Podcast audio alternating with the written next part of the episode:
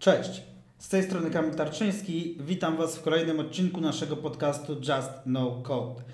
Dzisiaj porozmawiamy sobie o jednym z najbardziej popularnych, jeżeli nawet nie najbardziej, popularnym narzędziu do budowy web aplikacji, którym jest Bubble.io, który również wykorzystujemy w Have No Code. Porozmawiamy sobie o tym, czym w ogóle jest Bubble, do czego służy, jakie ma wady, jakie ma zalety, co można za jego pomocą zbudować. Chciałbym Wam dzisiaj dokładnie opowiedzieć o tym narzędziu i jak możecie je wykorzystać.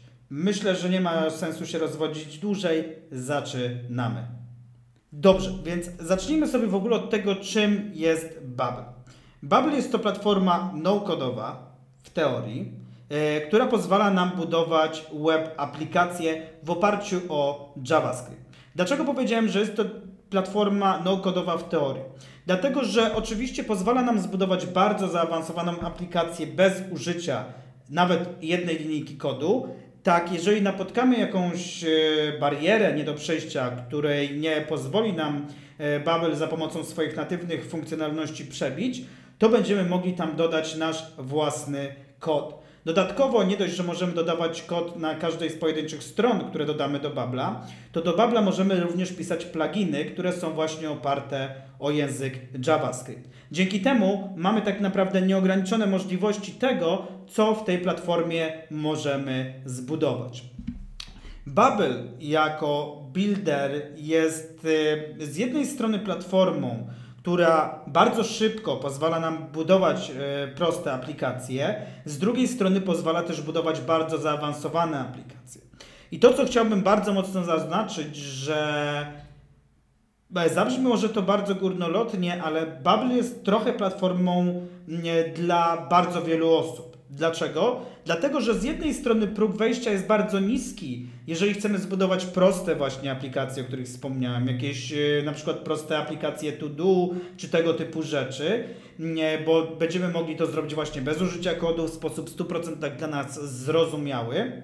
Tak, z drugiej strony Bubble jest na tyle dojrzałą platformą, ponieważ ma już 11 lat, jest przez cały ten czas rozwijany w 2021 roku bodajże dostał jeszcze 100 milionów dolarów dofinansowania na dalszy rozwój. Współpracuje bardzo mocno i ściśle z Microsoftem.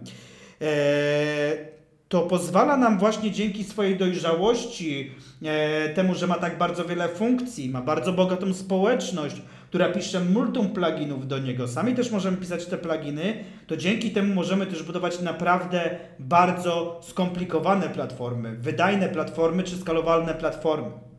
Babel jako platforma oparty jest w całości o AWS. To znaczy, że pod spodem stoi gdzieś e, tam AWS i cała infrastruktura to jest AWS plus Postgres, jeżeli chodzi o bazę danych, plus kilka tam innych e, usług, które mają zapewnić właśnie to reliability, skalowalność i bezpieczeństwo, jak na przykład Cloudflare, Snowflake czy e, tego typu inne usługi. Więc jak widzicie, Babel jest taką bardzo szeroką platformą, która pozwala właśnie na bez użycia kodu budować web aplikacje. I to jest jedna właśnie bardzo ciekawa rzecz. E, ze względu na to, że tak jak powiedziałem, Bubble ma bardzo, bardzo dużą społeczność, e, możemy tam dodawać własny kod, to też za pomocą Bubble'a możemy budować aplikacje mobilne. Oczywiście nie będą to natywne aplikacje mobilne, e, ponieważ na to Bubble nam nie pozwala. Bubble nie operuje w żadnym natywnym języku ani w żadnym natywnym frameworku. Będą to po prostu tak zwane aplikacje PWA, czyli Progressive Web Application, czyli po prostu responsywne aplikacje, które będą dostosowane do urządzeń mobilnych, które też możemy umieścić w tak zwanym wraperze. Wrapper to jest taka specjalna aplikacja natywna, w środku której jest WebView, czyli widok strony, pod który po prostu podkładamy właśnie naszą stronę mobilną, dzięki czemu możemy do niej dodawać natywne funkcjonalności, takie jak Face ID, e, aparat, e, GPS, etc. E, dzięki temu również możemy tą aplikację umieścić w sklepach, takich jak Google Play czy App Store. Więc jak widzicie, Bubble nie jest zabawką.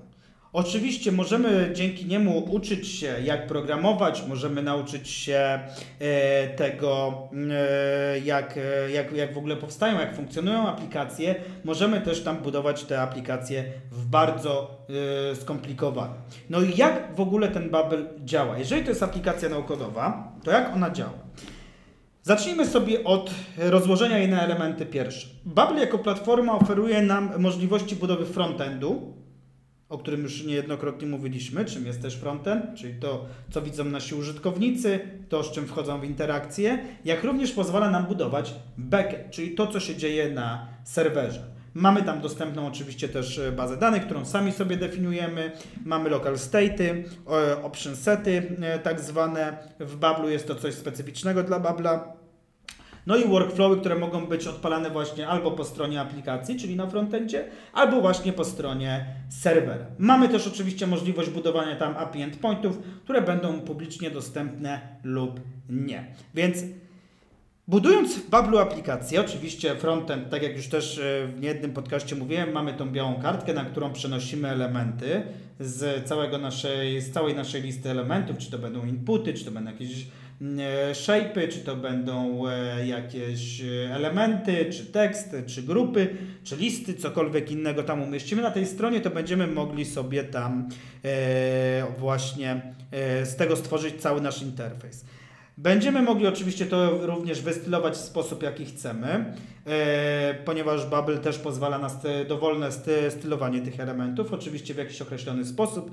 Natomiast znowu, jeżeli nie mamy czegoś dostępnego natywnie w Bubble, to możemy do tego dodać CSS-a lub cokolwiek innego, co będzie zawiadywało animacjami czy wyglądem tych pojedynczych elementów. No i w ten sposób właśnie Bubble nam generuje ten e, kod HTML, CSS, czy JS, który odpowiada za ten, e, za ten front. Natomiast z tyłu, kiedy chcemy zbudować jakieś, e, jakiś backend, no to również mamy dostępny widok workflowów, gdzie ustawiamy sobie workflowy, że kiedy jakiś baton został kliknięty lub kiedy coś się w aplikacji zadziało lub co każde 5 sekund lub kiedy strona się załadowała lub kiedy jakaś grupa lub jakiś element na stronie jest widoczny, to co ma się zadziać? Robimy krok pierwszy, drugi, trzeci, czwarty, piąty i tak dalej, i tak dalej gdzie za pomocą tych właśnie e, kroków będziemy budowali nasze workflow. Oczywiście nie będę tutaj wchodził bardzo dokładnie, bo dzisiaj nie jest to szkolenie z Babla i tego, jak powinniśmy w nim budować, tylko chcę Wam przedstawić to narzędzie. Więc w ten sposób również jest generowany kod. I tutaj uwaga, Babel, jeżeli chodzi o backend, porusza się e, w Node, czyli takim frameworku javascriptowym, który pozwala nam budować cały backend. Oczywiście my tego nie widzimy, jaki kod będzie tam wygenerowany, nie mamy w przypadku Babla do tego dostępu, jak również z Babla nie będziemy mogli wyeksportować tego kodu naszej aplikacji. To znaczy, że jeżeli stworzymy sobie tą aplikację w Bablu, tak, będziemy mieli te wszystkie elementy, strony, workflowy, backend cały stworzony, bazę danych, strukturę tej aplikacji i tak dalej utworzoną, to niestety nie będziemy mogli tego kodu wyeksportować w żaden sposób. Bubble jest platformą, która zarabia de facto na hostowaniu naszych aplikacji i z tego też powodu nie jest możliwe eksportowanie tego właśnie kodu, ponieważ zarenderowanie całej tej aplikacji, którą stworzymy również w edytorze Babla, odpowiada ich silnik, który jest tak zwanym ich secret sauce. Więc jak widzicie, te wszystkie też elementy są ze sobą tak mocno pointegrowane, że de facto dla osoby, która buduje tą aplikację, jest to bardzo zrozumiałe. Te wszystkie połączenia między bazą danych frontendem, bazą danych backendem, e, między workflowami, między frontendem a backendem, te wszystkie powiązania są dla nas bardzo, bardzo czytelne i jasne. I tutaj mamy też bardzo dużą swobodę, jeżeli chodzi o to, jak nasze aplikacje będą budowane. Czy to będą single page apps, czy to będą multi-page apps, czy to będą mm, e, aplikacje, które będą miały być dashboardami, czy CRM-ami, czy czymkolwiek innym. Natomiast to, co możemy zbudować, to do tego sobie zaraz przejdziemy. Teraz e, w następnej części chciałbym omówić, jakie de facto niesie za sobą to korzyści, jakie de facto Babel ma największe korzyści i na czym tak naprawdę tutaj zyskujemy, jeżeli będziemy chcieli korzystać z tego narzędzia. Największą oczywiście zaletą e, Babla jest to, że jest to narzędzie bardzo zwinne, które w bardzo szybki sposób pozwala nam budować, iterować czy pivotować rozwiązania, które sobie wymyśliliśmy, czy które chcemy zbudować. Dzięki temu narzędziu jesteśmy w naprawdę bardzo szybki sposób w stanie zbudować pierwsze wersje tego produktu. Oczywiście wiadomo, czym dalej w las, tym więcej drzew, więc y, no wiadomo, że czym dalej będziemy szli, tym też no bardziej skomplikowane stanie się e, tworzenie tych aplikacji. Kolejną bardzo zaletą dużą Babla jest to, że możemy tam budować naprawdę powerful apps. Naprawdę bardzo e, skomplikowane aplikacje możemy e, zbudować w Bablu, bo nawet jeżeli Bubble czegoś nie obsługuje natywnie, czy będziemy chcieli zrobić jakieś obliczenia na big data, czy zaimplementować jakiś algorytm AI, ML, cokolwiek nam przyjdzie do głowy, to oczywiście Bubble natywnie takiej funkcjonalności nie posiada, ale po pierwsze możemy podać tam kod, Oczywiście JavaScript nie nadaje się do AI czy czegokolwiek takiego, ale możemy również go zintegrować z innymi aplikacjami, które udostępniają API, dzięki czemu będziemy mogli lewarować te e, u, funkcje Babla i funkcje naszej aplikacji. Będziemy mogli zaimplementować Stripe'a, będziemy mogli zaimplementować ChatGPT, będziemy mogli zaimplementować Revenue Cata, Google Analyticsa, cokolwiek nam przyjdzie do głowy, że chcemy zaimplementować i cokolwiek wystawia API, to to będziemy mogli sobie zaimplementować. Jeśli na przykład będziecie też chcieli zbudować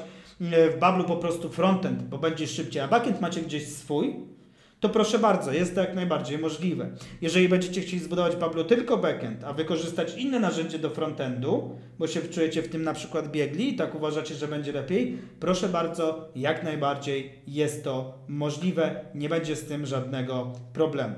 Kolejną zaletą w porównaniu do innych platform no-codowych jest oczywiście to, że możemy dodawać kod.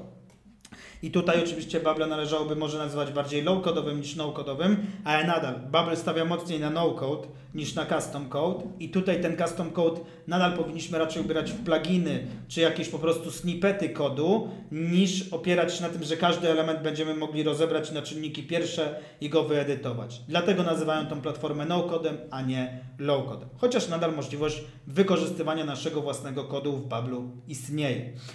Eee, Mamy w Bablu dostępne bardzo zaawansowane featurey, jak właśnie na przykład SQL konektory, natywnie dostępne, API konektory, e, mamy dostępne właśnie integracje z bazami danych, etc., etc., dzięki którym możemy lewarować funkcjonalności tej platformy i ją wykorzystywać do czego, czego chcemy. Bubble jest również oparty i jego frontend na CSS Gridzie. I teraz jest przepisywany tak naprawdę cały Bubble na to, żeby wykorzystywał Pure.jsa, dzięki czemu będzie po prostu dużo, dużo szybszym rozwiązaniem niż był do tej pory, chociaż do tej pory też mu performance'u żadnego nie brakowało i codzienni użytkownicy nie zobaczą w żaden sposób, że ta aplikacja kuleje czy nie jest cutting edge. Kolejną oczywiście zaletą jest to, że jest w 100% oparty o cloud i mamy bardzo przejrzysty, prosty cennik, który mówi nam o tym, co de facto w nim dostajemy, tak? Czyli możemy sobie wybrać odpowiedni cennik i w momencie, kiedy nasza aplikacja e, będziemy mieli tak dużo użytkowników, że no, tutaj niestety już ten cennik nie będzie dawał rady, to nie jest tak, że Babel nam po prostu tą aplikację wyłączy. Ona się wyskaluje i zostaniemy po prostu ewentualnie, no, to, to nadal będzie nasza decyzja, bo aplikacja w końcu kiedyś wysiądzie i nie będzie w stanie obsłużyć większej ilości użytkowników, no ale będziemy mieli jasność, inf jasną informację dlaczego, kiedy i gdzie i co de facto wykorzystuje e, te zasoby naszego serwera, że musimy już na ten wyższy plan w Bablu przejść. Oczywiście za tymi wyższymi planami idą jeszcze kilka innych funkcjonalności, jak na przykład więcej kolaboratorów w aplikacji, czy więcej możliwości e, utworzenia większej ilości branczy dla aplikacji, bo kolejną oczywiście dużą zaletą Bablu jest to, że możemy tworzyć tam brancze tej aplikacji, czyli de facto możemy sobie stworzyć prawdziwe, profesjonalne środowisko do tworzenia aplikacji, gdzie będziemy mieli kilka branczy, czyli branch deweloperski, branch ułatowy i oczywiście wersję live aplikacji. Więc to są te najważniejsze zalety tej platformy. Jej dojrzałość, to, że jest zwinna, że pozwala nam bardzo szybko budować rozwiązania, bardzo szybko je pivotować, edytować, zmieniać, dostosowywać de facto do tego, czego chcemy. Pozwala nam budować naprawdę aplikacje, które sobie wymarzymy. Jest bardzo mały wycinek aplikacji, które nie będziemy mogli tam zbudować, czy animacji, czy czegokolwiek innego. No i oczywiście to dodawanie więc jak już wiemy, jakie mamy zalety tej platformy, to porozmawiamy sobie o tym, jakie ma ona wady, bo na pewno też jakieś wady ma. I nie inaczej jest też w tym wypadku. Największym, e, największą wadą tej platformy, patrząc z naszego europejskiego punktu widzenia, jest to, że niestety na ten moment Bubble nie oferuje regionalizacji. Co to znaczy? To znaczy, że każda aplikacja, którą budujemy w Bablu jest hostowana na terenie Stanów Zjednoczonych. Tutaj oczywiście musimy dać małą gwiazdkę, a raczej nawet dwie gwiazdki, z tego powodu, że po pierwsze, brak regionalizacji dotyczy standardowych planów, To znaczy, że korzystając ze standardowego planu nie możemy wybrać sobie regionu, w którym nasza aplikacja będzie hostowana. Będzie ona hostowana na terenie Stanów Zjednoczonych. Natomiast Bubble nad tą regionalizacją pracuje i podobno ma być ona dostępna w tym roku.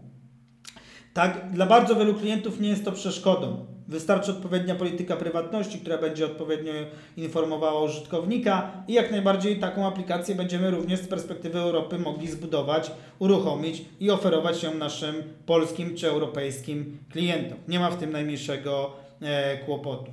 Druga gwiazdka dotyczy tego, że jak oczywiście nie pozwalają nam na regionalizację te standardowe plany, tak Bubble również e, oferuje plany tak zwane Enterprise.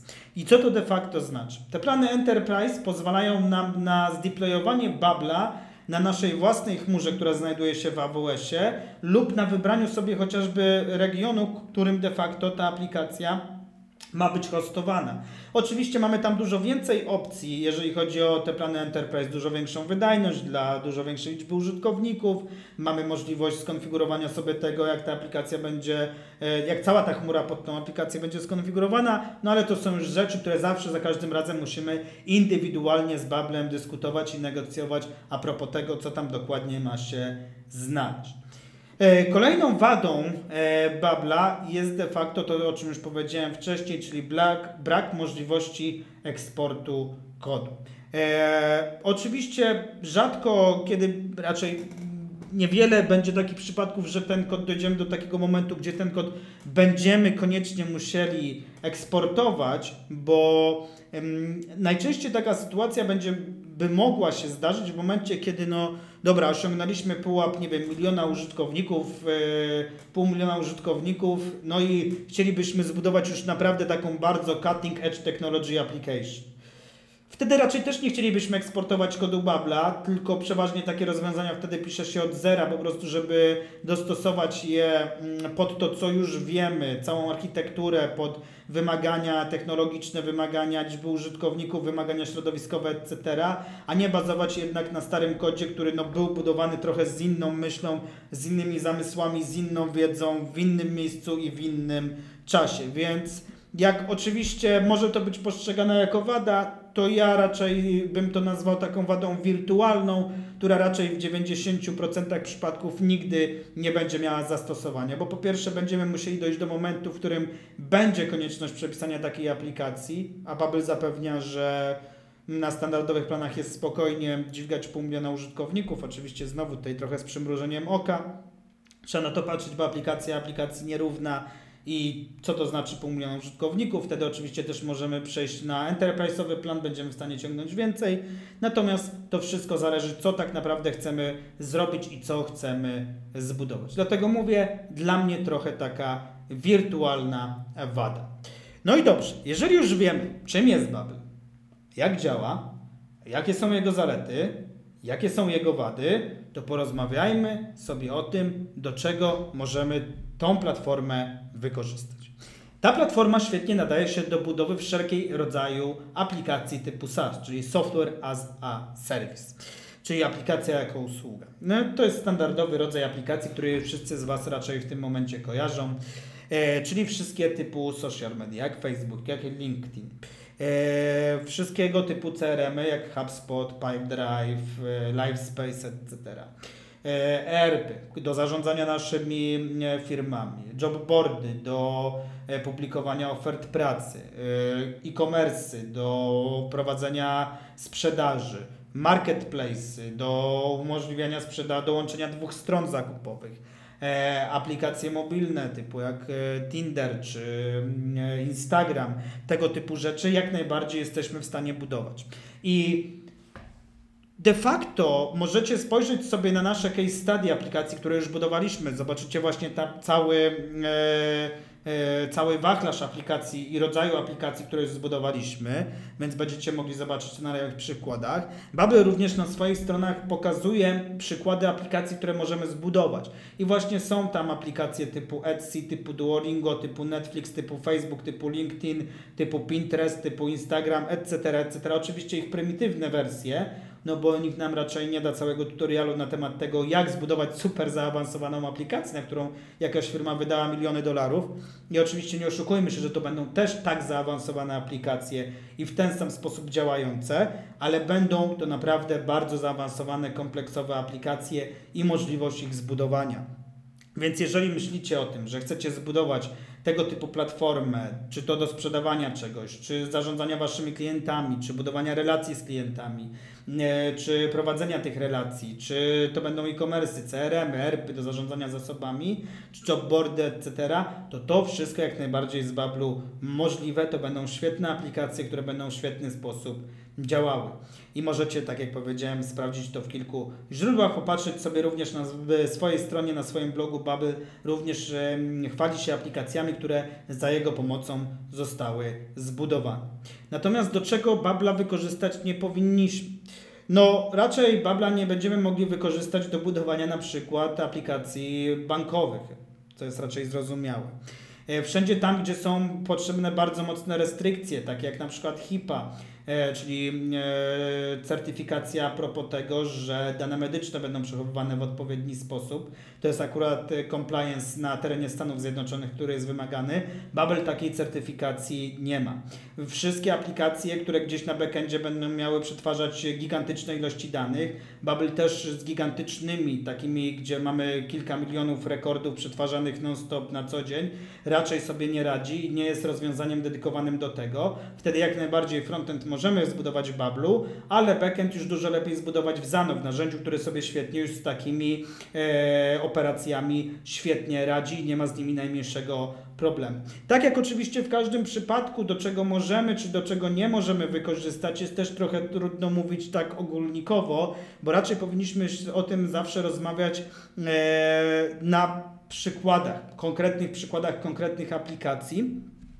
Czyli spojrzeć, co de facto chcemy zbudować, tak? jakiego typu rodzaju jest to platforma, jacy użytkownicy będą z niej korzystali, e, komu będziemy chcieli ją udostępniać, e, w jaki sposób powinna być ona dystrybuowana, jakie ona ma wymagania środowiskowe, jakie ma wymagania prawne? I czy te rzeczy ta dana platforma jest w stanie spełnić. Tak? Jeżeli jest w stanie spełnić, to jak najbardziej się do tego nadaje i to oczywiście warto zawsze zasięgnąć odpowiedniej konsultacji, zapytać mm, kogoś doświadczonego, zderzyć to na przykład z taką firmą jak nasza, czy de facto taką platformę możemy zbudować, czy może warto tutaj użyć innego toolsetu, czy ta platforma będzie do tego odpowiednia. Więc jak widzicie, podsumowując, E, Babel jest platformą, która no-codową, która pozwala nam budować web aplikacje i aplikacje mobilne typu PWA. Pozwala nam je budować bez użycia kodu, ale pozwala też dodawać ten kod. E, nie jest to zabawka, która służy tylko do budowy bardzo prostych aplikacji, tylko pozwala nam na budowanie bardzo skomplikowanych narzędzi, bardzo skomplikowanych platform, które będą w stanie obsługiwać dziesiątki i setki tysięcy użytkowników. E, wiemy już też jak działa, że jest to oczywiście edytor drag and drop, Wiswick, what you see is what you get, że mamy dostępny tam backend, bazę danych, frontend, tego typu rzeczy, API, etc. Wiemy jakie są zalety tej platformy, czyli szybkie pivotowanie, szybkie budowanie, e, możliwość dodawania własnego kodu, e, możliwość dodawania bardzo zaawansowanych feature'ów, możliwość integracji z tak zwanymi third parties, etc Wiemy, jakie są wady, czyli ten rzekomy brak regionalizacji, który oczywiście możemy sobie rozwiązać e, za pomocą wyższych planów i który też nie zawsze jest zresztą wadą, czy brak możliwości eksportu kodu. No i wiemy również, do czego możemy wykorzystać tą platformę, a do czego raczej nie powinniśmy i że zawsze raczej powinno być to konsultowane indywidualnie. To tyle dzisiaj ode mnie. Odcinek dzisiaj był krótszy. Chciałem Wam przedstawić jedną konkretną platformę. Mam nadzieję, że był to dla Was odcinek ciekawy. To tyle ode mnie. Do usłyszenia w kolejnym odcinku. Cześć.